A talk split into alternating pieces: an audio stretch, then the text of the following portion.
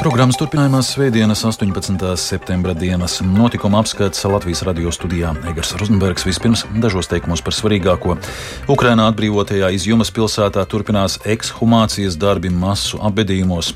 Eiropas komisija iesaka aizturēt Eiropas Savienības fondu līdzekļu izmaksāšanu Ungārijai. Plašāk par visu nākamajās minūtēs.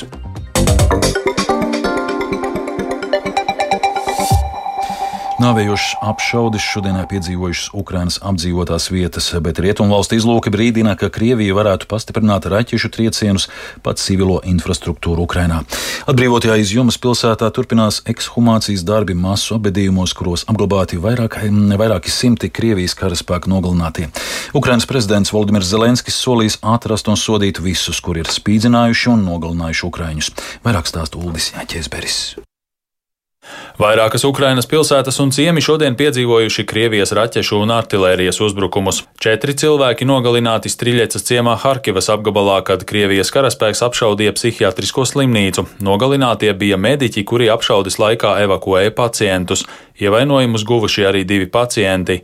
Trīs cilvēki ievainoti raķešu un artilērijas uzbrukumos Nikapolis pilsētai Dņipropetrovskas apgabalā.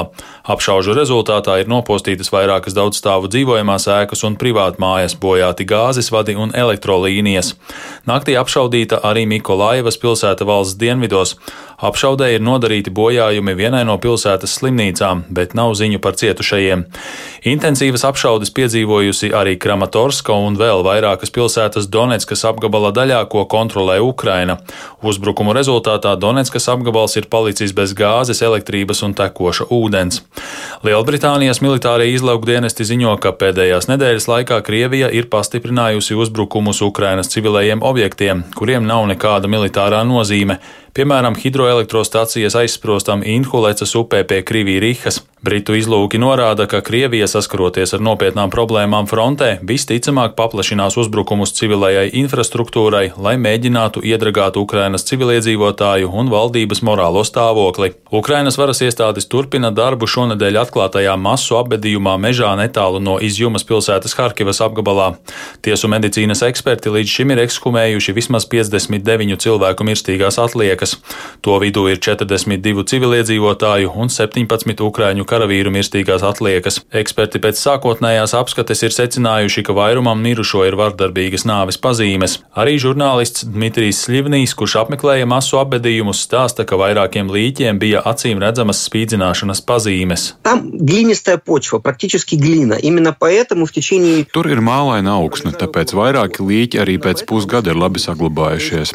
Tādēļ var labi redzēt, ka cilvēkiem ir spīdzināšanas pēdas.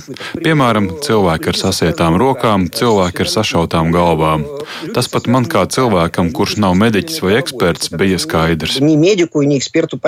Tiek lēsts, ka kopumā šajos masu kapos ir apglabātas vairāk nekā 450 cilvēku mirstīgās atliekas. Izjumas mērs Valērijas Marčenko prognozēja, ka ekshumācijas darbi turpināsies vēl aptuveni divas nedēļas. Ukrainas prezidents Volodimirs Zelenskis paziņojis, ka ne tikai izjumā, bet arī citās atbrīvotajās vietās Harkivas apgabalā ir atrasti okupācijas spēku izveidoti cietumi, kuros mūžīgi mocīja vietējos iedzīvotājus. Kad okupanti bēga, viņi atstāja savas spīdzināšanas ierīces. Pat kādā dzelzceļa stacijā atrada telpu, ko izmantoja spīdzināšanai, tur uzgāja instrumentu spīdzināšanai ar elektrisko strāvu. Spīdzināšana okupētajā teritorijā bija plaši izplatīta prakse. Tā darīja nacisti tā dara Krievi. Un viņi par to atbildēs gan kaujas laukā, gan tiesas zālē. Mēs noskaidrosim identitāti visiem tiem, kuri spīdzināja, kuri ņirgājās, kuri atveda šīs zvērības no Krievijas šeit, uz mūsu Ukrainas zemi. Uz Rosiju, Sudī, na našu Ukraiņu zemi. Vācijas aizsardzības ministre Kristīne Lambrehta aicinājusi izmeklēt iespējamos kara noziegumus, kas ir pastrādāti izjumā Krievijas okupācijas laikā. Viņas prāt šādas izmeklēšanas vadība būtu jāuzņemas apvienoto nāciju organizācijai. Savukārt Eiropas Savienības prezidējošās dalībvalsts Čehijas ārlietu ministrs Jānis Lipavskis ir aicinājis izveidot speciālu starptautisku tribunālu, kurā tiesātu Krievijas kara noziedzniekus. Uldis Česberis, Latvijas radio. Eiropas komisija ieteikusi aizturēt vairāku miljardu eiro izmaksu Ungārijai no Eiropas Savienības fondiem saistībā ar bažām par korupcijas pieaugumu blokam dalību valstī un iespējamo Eiropas Savienības budžeta līdzekļu izšķirdēšanu. Briselē un Budapeštā ir ilgstošas domstarpības par demokrātijas, tiesiskuma un vārda brīvības stāvokli Ungārijā. Eiropas parlaments šonadēļ apstiprināja ziņojumu, kurā secināts, ka Ungāriju vairs nevar uzskatīt par pilntiesīgu demokrātiju. Turpina Uldis Česberis. Eiropas komisija ieteikusi Eiropas Savienības padomei aizturēt 7,5 miljārdu eiro piešķiršanu Ungārijai aizdomās par korupciju un likuma varas principu pārkāpumiem, paziņoja Eiropas Savienības budžeta komisārs Johannes Hāns. Eiropas Savienības dalībvalstīm būs mēnesis laika, lai izlemtu, vai atbalstīt Eiropas komisijas ieteikumu. Ungārijai paredzētais finansējums tiks ieturēts, ja par to nobalsos vismaz 55% dalībvalstu, kuras pārstāv vismaz 65% bloka iedzīvotāju. Ungārijai ir dots laiks līdz 19. novembrim, lai atbildētu uz Eiropas komisijas izteiktajiem pārmetumiem. Valdība jaunadēļ lems par cenu griestu noteikšanu energoresursiem, kā arī valsts ieņēmumu dienesta ģenerāldirektoris atstādināšanu no amata. Saimā turpinās darbu ar azartspēļu regulējuma izmaiņām. Savukārt operā pirmizrādi piedzīvos operete Jautrā atraitne. Nākamās nedēļas notikumos ielūkojās Jānis Kīncis. Pirmdien satiksmes ministrijas tiešsaistes domnīcā diskutēs par darba spēka piesaisti pasažieru pārvadājumiem ar autobusiem. Latvijā, tāpat kā citur pasaulē, ir arvien lielāki izaicinājumi nodrošināt pasažieru pārvadājumu nepārtrauktību darba spēka trūkuma dēļ. Šobrīd gan arī trešdaļā pakalpojumu sniedzēju ir vakantas autobusu vadītāju vietas, un uzņēmumiem faktiski nav autobusu vadītāju rezervju, liecina autotransporta direkcijas dati. Direkcija oktobra sākumā izvērtēs pārvadātāju Latvijas sabiedriskais autobus autobusu Nordeka un Liepājas autobusu parks desmitiem reizu neizpildi, arī dzēn darba spēka trūkuma dēļ. Tāpat pirmdien koalīcijas politiķi valdību veidojošo partiju sanāksmē finanšu ministram Jānim Rēram no jaunās vienotības taujās papildu informāciju saistībā ar valsts ieņēmumu dienesta ģenerāldirektoras Ievas Jaunzemes atstādināšanu.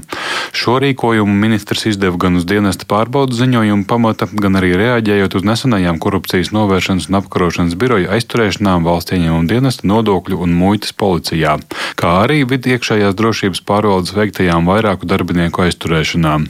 Par jaunzemes atstādināšanu uz izmeklēšanas laiku nākamnedēļ lems valdība. Paredzēts, ka jaunzemē šajā laikā saglabās mēneša algu un sociālās garantijas. Otradien valdība plāno skatīt ministrijas sagatavotos priekšlikumus par cenu griestu noteikšanu centralizētajai apkurei, dabasgāzei un elektroenerģijai. Paredzēts, ka cenu griestus attiecinās elektroenerģijas pirmajām 100 kWh. Latvijas bankas ekonomists Oļegs Krasnovs no Pjorovs gan iepriekš Latvijas radio izteicās, ka tas nav labākais variants, kā šajā laikā atbalstīt iedzīvotājus. Galvenais akcents tomēr būtu liekams uz enerģijas taupības pasākumiem. Nosakot cenu griestus enerģijas patērētājiem, zud motivācija veikt enerģijas taupīšanas pasākumus. Un tādējādi enerģijas patērijas nemazinās vai mazinās ļoti maz. Enerģiju lielā mērā mēs importējam, tas nozīmē, ka lielāku naudas summu izmaksājam ārā no valsts energoresursu piegādātājiem. Līdz šim valdība un saima jau lēmušas par atbalsta pakotni iedzīvotājiem un uzņēmumiem aptuveni 650 miljonu eiro vērtībā, paredzot daļai kompensēt energoresursu izmaksu pieaugumu. Trešdien saimas budžeta un finanšu nodokļa komisijas deputāti turpinās pirms otrā lasījuma skatīt grozījumus azartspēļu un izložu likumā. Ar šiem grozījumiem iecerēts uzlabot atkarības no azartspēlēm novēršanas pasākumus, kā arī ierobežot azartspēļu pieejamību. Likumprojekts paredz no 18 līdz 21 gadam paaugstināt vecuma slieksni, no kura var apmeklēt spēļu vietas. Likums ļaušot mazināt ar azartspēlēm saistītos riskus, norādīts likumprojekta anotācijā. Schweigens, festen Geigen,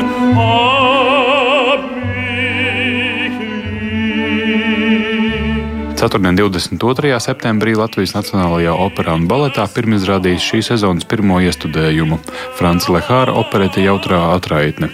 Jaunie studējumu veido starptautiska komanda muzikālā vadītāja Tomasa Rēznera un režisora Uves Ērika Lofenberga vadībā.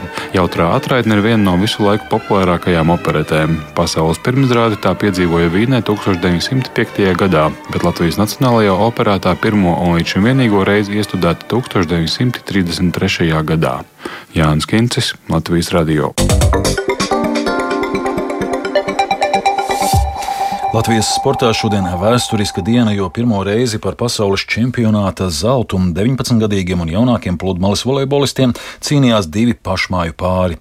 Savukārt Latvijas labākie 3 pret 3 basketbolisti Nīderlandē nesasniedza svarīga turnīra finālu. Par visu vairāk tūlīt pastāstīs Mārtiņš Kļavinieks, kurš pievienojies mums tiešraidē.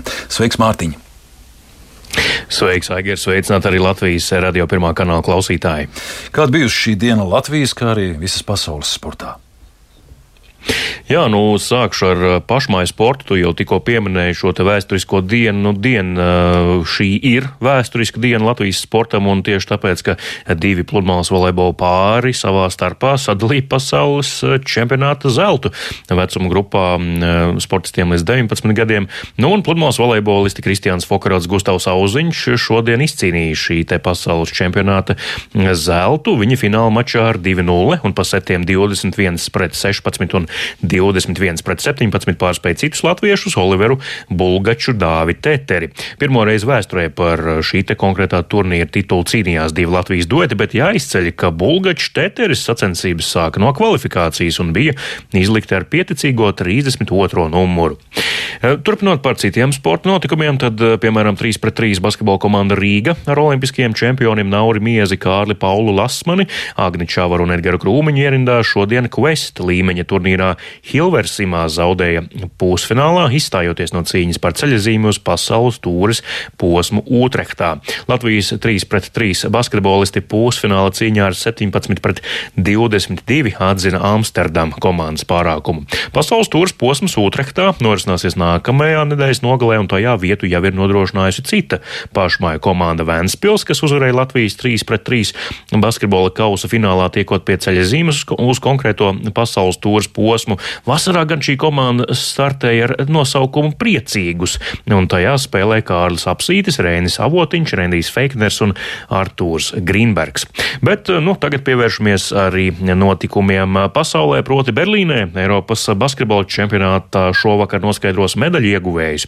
Un tieši šobrīd, burtiski pirms divar pus minūtēm, sākās e, bronzas spēle, kurā mainiec Vācija tieks ar Poliju. Savukārt pusi desmitos vakarā laukumā dosies Spānija un Francija, un e, tad arī noskaidros, kura no šīm komandām tad e, kaklā kārs zelta medaļas, bet viens no fināla cīņas tiesnešiem, starp citu, būs arī Latvijas Mārtiņš Kozlovskis, tā kā Eiropas čempionāta fināls bez latviešiem nenoritēs.